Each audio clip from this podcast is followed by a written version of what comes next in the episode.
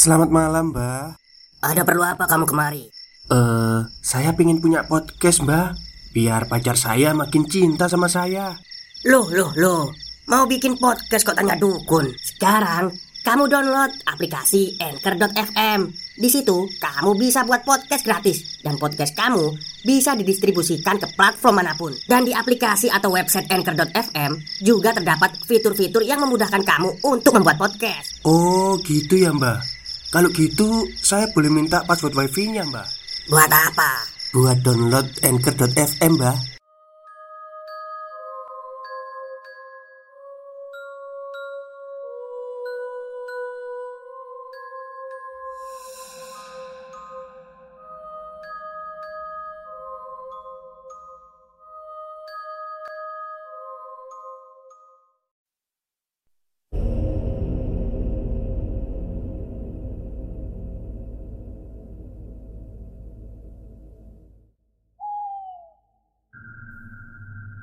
Assalamualaikum warahmatullahi wabarakatuh. Halo semuanya Jumpa lagi dengan saya Chow Sing Sing Kurator dari podcast Horror Night Story. Halo apa kabar semuanya? Semoga kalian semua baik-baik saja ya. Dan seperti biasanya Pada siang hari ini Saya kembali dan akan membawakan sebuah kisah mistis untuk kalian Kisah mistis kali ini saya datangkan dari tweet twitternya Daddy Bo Yang menceritakan tentang suatu perkebunan. Baik, seperti apa kisahnya? Mari kita simak. Desember 2014 Tahun terakhir aku lulus sebagai sarjana teknik pertanian Enam bulan menganggur membuatku risih dengan pertanyaan kapan akan nikah. Scroll demi scroll aku lakukan. Untuk mendapatkan informasi pekerjaan yang saat itu Hanya tersedia melalui Facebook Dari grup alumni suatu perguruan tinggi di Jogja. Semakin lama mencari Akhirnya terlihat gambar sebuah lowongan pekerjaan Sebagai asisten perkebunan kelapa sawit Dengan penempatan di Sumatera. Tanpa basa-basi Aku apli Dan mengirim berkas melalui email yang tertera. Dua minggu berselang Notifikasi dari handphone pun berbunyi berisi undangan interview dari lamaran yang aku kirim lalu. Proses interview dilakukan di Jogja, yang mana jarak tempuh dari kotaku jika menggunakan kendaraan umum memakan waktu 4 jam. Terbesit dalam pikiranku, bagaimana ini? Sumatera, bagaimana tempat itu? Ah, perkebunan. Dalam pikiranku bertanya-tanya. Karena Belum pernah aku merantau untuk bekerja di pedalaman Sumatera. Apalagi Perkebunan yang jauh dari kota. Dengan bermodal nekat Aku tampikkan keresahan yang ada di dalam pikiranku Aku hanya butuh gaji tiap bulan. Persetan dengan kekhawatiran ini Pikirku. Interview dilakukan jam 8 pagi Di salah satu universitas di Yogyakarta. Saat itu Aku hanya memegang uang 150 ribu. Uang pemberian ibu ketika aku izin untuk berangkat. Aku masih mengingat wajah ibuku. Saat itu dia senang sekali. Tes demi tes, aku lalui dari beberapa tahapan. Pikirku, jikalau seandainya tidak lulus, nggak apa-apalah. Anggap aja belum rejeki Tes terakhir pukul 13.00 atau pukul 1 siang kami dipersilahkan pulang untuk menunggu pengumuman. Sore itu, aku bergegas untuk kembali ke tempat asalku. Dua hari berlalu, kekhawatiran masih menyelimuti kepalaku. Sesekali aku melihat peta, melihat daerah yang masih bagian dari negara ini, tapi sangat asing bagiku. Bukan kotanya tapi penempatan yang sangat pelosok. Tidak ada sanak saudara sama sekali di sana. Kalau seandainya aku butuh pertolongan, aku minta tolong ke siapa? Dalam benakku terpikir, semoga aja nggak keterima lah. Bodoh amat, nyari kerjaan lain aja lah di sini. Daripada ke sana. 15 menit kemudian handphone berbunyi. Menandakan ada pesan yang masuk. Anda diterima. Silahkan tanda tangan kontrak pada tanggal sekian. Dek Degup jantungku mulai tak beraturan. Saat apa yang kau takuti akan kau hindari. Itulah yang akan dikabulkan. Saat itu aku tahu bagaimana cara kerja Tuhan mempermainkan hambanya yang kecil ini. Pesan ini aku tunjukkan ke ibu Bukan main girangnya ibu.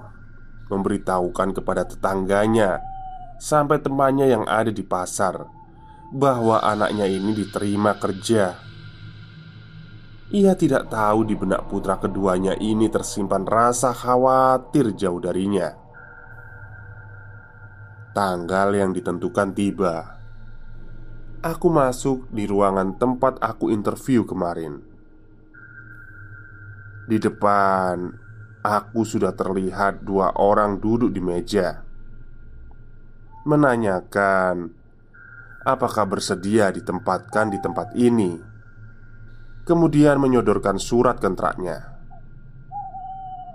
Di baliknya berisi gaji yang akan aku terima.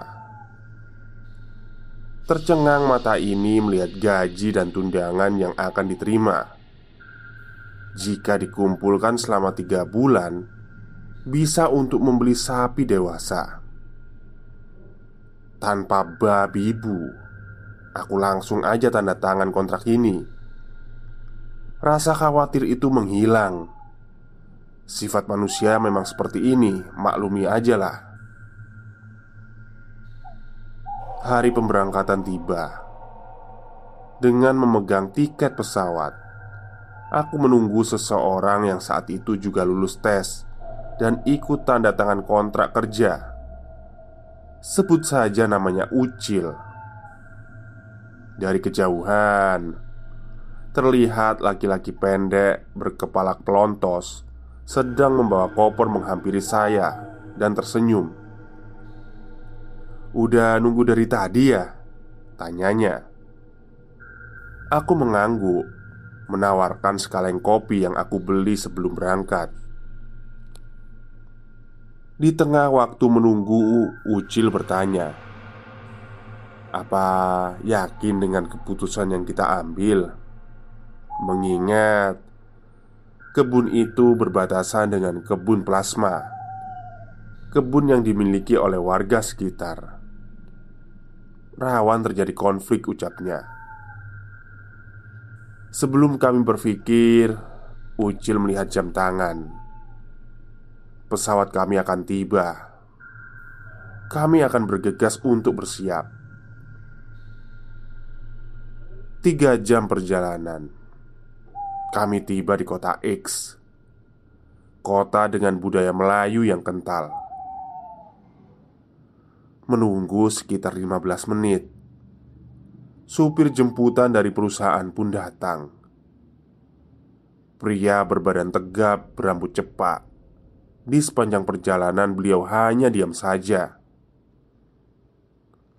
Sambil memandangi kami yang membawa banyak tas Suasana canggung ini membuatku termenung dan memandangi jendela mobil yang terus melaju ini. Dua jam perjalanan dari kota, memasuki jalan tanah menuju area perkebunan.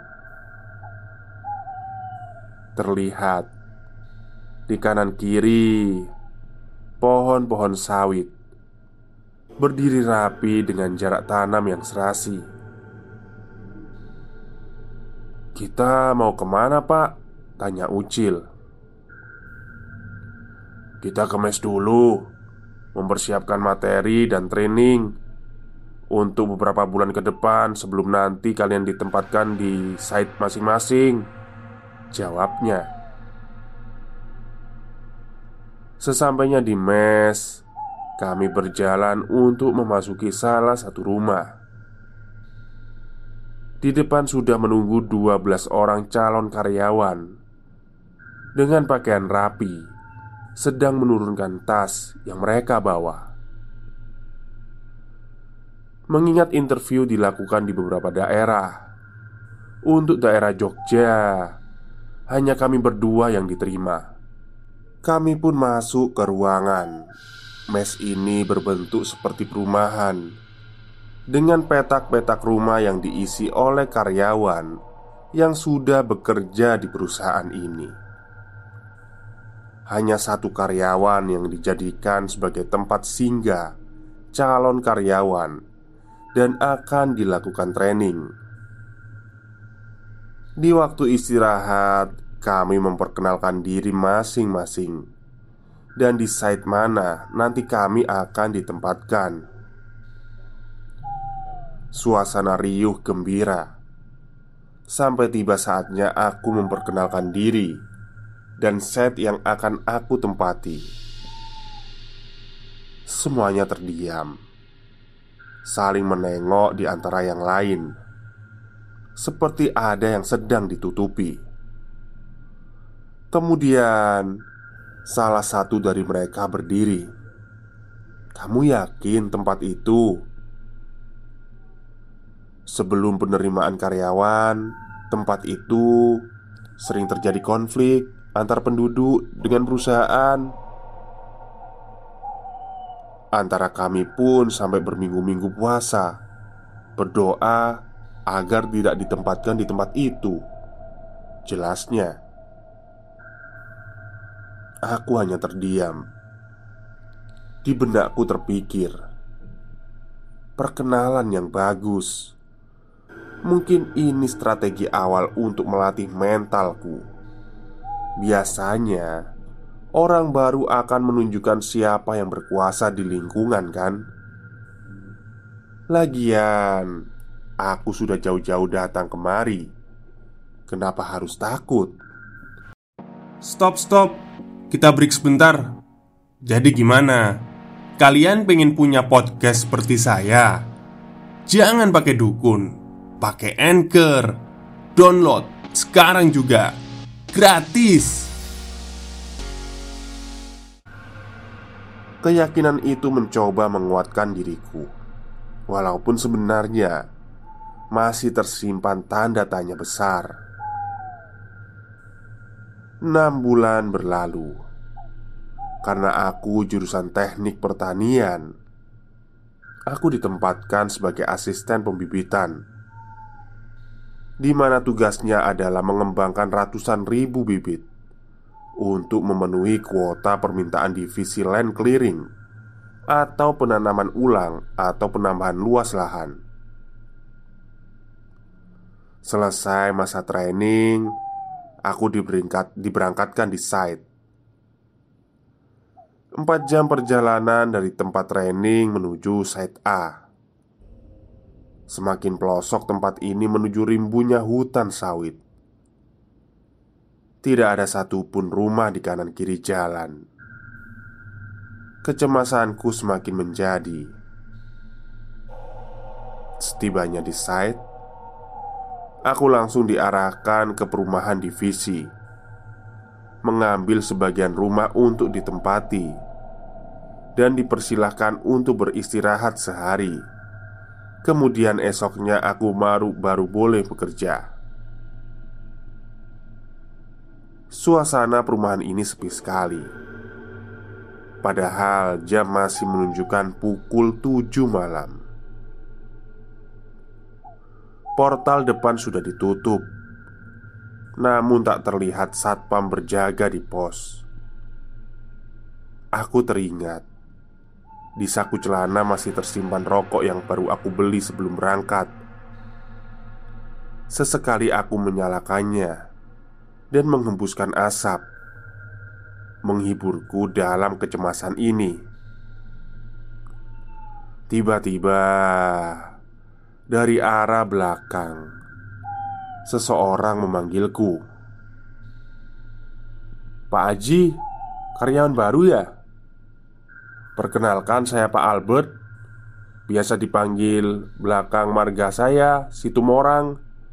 Tapi terserah bapak lah manggil saya apa. Saya tinggal di rumah sampingnya bapak ini.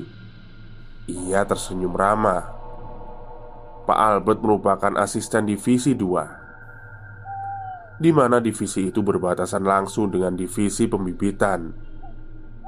Aku pun langsung mengangguk, membalas senyuman, dan menawarkan rokok yang ada di tanganku. Pak Albert menjelaskan jika sudah lewat pukul 7 Karyawan diwajibkan untuk masuk rumah Dikarenakan Situasi kebun ini masih belum kondusif Belum kondusif? Maksudnya apa pak? Tanyaku waktu itu e, Kebun ini akan melakukan replanting atau penanaman ulang Karena saking lamanya tidak dilakukan replanting banyak batas kebun yang masih samar. Jadinya ya sering bergesekan dengan kebun plasma milik penduduk sekitar. Tapi sebelum selesai berbicara, Pak Albert segera menyuruhku untuk bergegas masuk ke dalam rumah. Ya, mau nggak mau, akhirnya kami pun segera masuk. Dari perkataan Pak Albert tadi membuatku tidak nyaman. Aku hanya bisa berdiam diri di kamar. Rumah sebesar ini tidak seharusnya hanya diisi oleh anak muda sepertiku. Saat mata ingin terpejam, sekelebat sinar senter menyinari kelambu yang menutupi jendela kamar. Terdapat percakapan dua orang dari luar berbisik menggunakan bahasa Melayu, seperti sedang mengawasi rumah ini. Suara itu perlahan bergerak menuju pintu depan. Terdengar tuas pintu ditarik. Aku menjatuhkan ponselku yang aku taruh di atas meja, dan suara itu hilang.